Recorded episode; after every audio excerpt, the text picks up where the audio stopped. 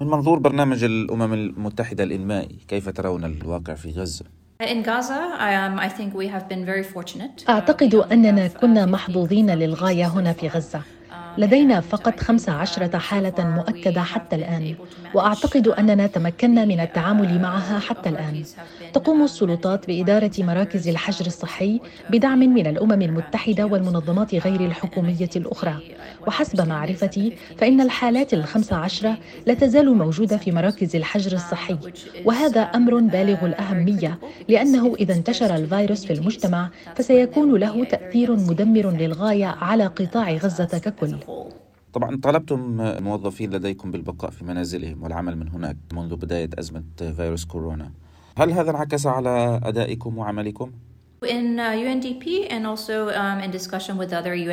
قمنا في برنامج الأمم المتحدة الإنمائي بإجراء مناقشات مع وكالات الأمم المتحدة الأخرى بهدف اتخاذ الاحتياطات الضرورية.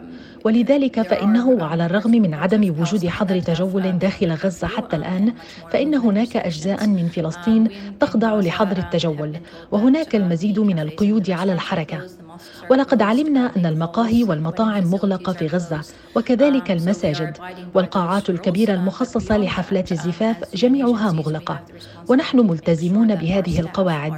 ولكن أبعد من ذلك وبصفتنا وكالات تابعة للأمم المتحدة فإننا نتحمل مسؤولية التأكد من أن موظفينا محميون بشكل جيد وأنهم غير معرضين لأي تلوث أو عدوى.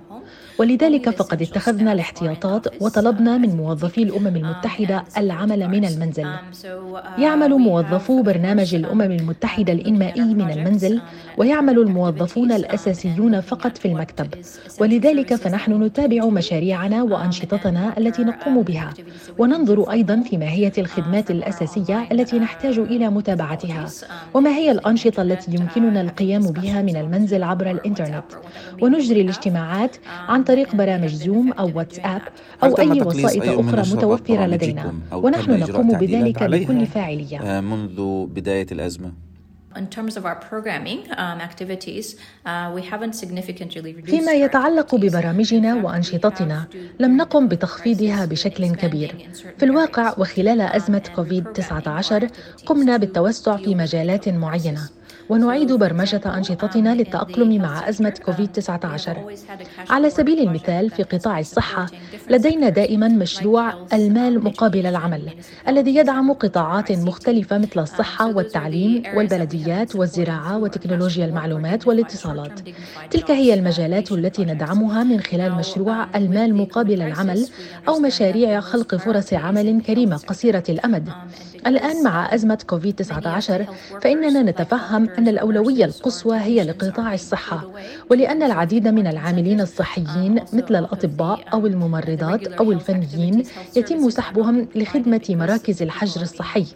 أيضا الكثير من هذه الأنشطة الصحية المنتظمة لا تقدم الخدمات الصحية بسبب نقل الناس وسحبهم للتأقلم مع استجابة كوفيد-19 لقد عززنا دعمنا للقطاع الصحي لذلك بحلول شهر أيار مايو سيكون لدينا حوالي 700 عامل صحي بمن فيهم الأطباء والممرضات والفنيون الذين يدعمون تعزيز الخدمات الصحية خلال هذه الأزمة. لقد ركزنا أيضا على البلديات لأن البلديات المحلية هي التي تقدم الخدمات اليومية كجمع النفايات كما توفر خدمات تعقيم وتطهير المرافق العامة في الأسواق. لذلك لدينا الآن أكثر من 300 عامل في البلدية مدعومين من خلال مشاريعنا للتأكد من أن خدماتهم موجهة نحو الاستجابة لكوفيد-19 هذا في القطاع الصحي فيما يتعلق ببرنامج المال مقابل العمل. أما فيما يتعلق بالنفايات الطبية فقد كان لدينا مشروع نفايات طبية لحسن الحظ وهو مستمر بدعم من الحكومة اليابانية. وقد تمكنا من توسيع ذلك بتمويل آخر من النرويج والمانحين الآخرين بحيث يتم تعديله والتأكد من معالجة النفايات الطبية بشكل صحيح خاصة خلال أزمة كوفيد-19 لأن الفيروس نفسه شديد العدوى وإذا كنت لا تعامله بشكل جيد أو بشكل صحيح فيمكن أن ينتشر. لذلك كنا ننظر في العديد من المنهجيات المختلفة إحداها أجهزة الميكروويف وغيرها من أجهزة التعقيم. وأيضا بدعم من مجلس الخدمة المشتركة للتأكد من وجود الإجراءات المناسبة في مرافق الطب بالشراكة مع وزير الصحة. وذلك أيضا في مرافق معالجة النفايات. لذلك هذا مجال آخر يتعلق بالصحة. ذكرت التدخلات في القطاع الصحي. ماذا عن القطاعات الأخرى في ظل الأزمات الاقتصادية المتراكمة في غزة؟ Um, uh. Um, حسنا. كما تعلمون um, كانت غزة تعاني من الانهيار الاقتصادي. لقد ارتفع معدل البطالة لدينا إلى 50% أعتقد أنه الآن حوالي 43% ويبلغ حوالي 64% بين الشباب. على ما أعتقد. لكنها ارتفعت إلى 70% في وقت ما. وبالتالي فإن معدل البطالة مرتفع جدا. كما أن معدل الفقر مرتفع ويقترب من 53 ولذا فإن وضعا مثل غزة حيث يعاني الناس بشدة فإن أزمة كوفيد-19 سيكون لها بالفعل تأثير مدمر. لذلك سيكون هناك المزيد من الناس الذين سيتوقفون عن العمل. أعتقد أن وزارة العمل المحلية أشارت إلى أن حوالي 109 آلاف شخص إما خارج وظائفهم أو يعملون بوظائف جزئية. وأجرى اتحاد الصناعات الفلسطيني تقييما. أشار فيه إلى توقف 954 شركة من أصل 2609 فضلا عن تأثر 13 ألف وظيفة. وبهذا فقد كان لأزمة كوفيد-19 تأثير اقتصادي واجتماعي يتجاوز الأزمة الصحية. وإلى جانب دعم خلق فرص عمل قصيرة المدى فإننا نتطلع في برنامج الأمم المتحدة الإنمائي إلى دعم مصانع إنتاج المواد الغذائية على سبيل المثال والتي لا تزال بحاجة إلى أن تعمل خلال أي أزمة. وكذلك المواد الكيميائية مثل مواد النظافة والمعقمات والأشياء ذات الصلة بالأزمة الحالية. سندعم المصانع وسنتأكد من تعقيمها بحيث لا يتعرض العمال للخطر. كما نقوم الآن بتعزيز دعمنا في الجوانب المتوسطة وطويلة المدى. قمنا بإعادة توجيه عملنا من خلال مشروع التعافي الاقتصادي المستمر الذي تدعمه شركة التنمية السويسرية.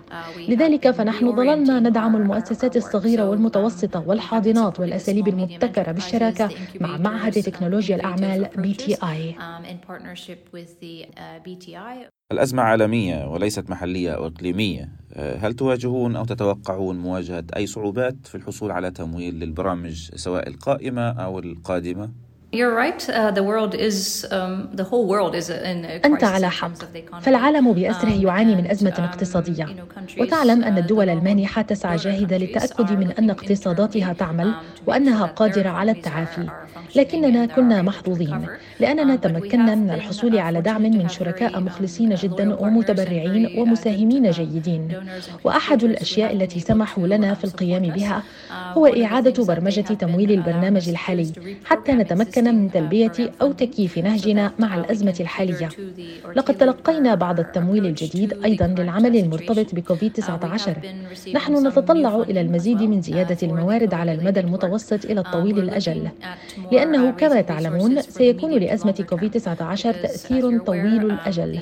وبهذا المعنى فإننا بحاجة إلى جمع المزيد من الموارد لدعم الانتعاش الاقتصادي الاجتماعي أعتقد أنه وبرغم الأزمة التي يمر بها العالم إلا أن هناك دولا تفكر حقا في أكثر الفئات ضعفا. ومن الواضح أن غزة تضم أكثر الأشخاص ضعفا في العالم.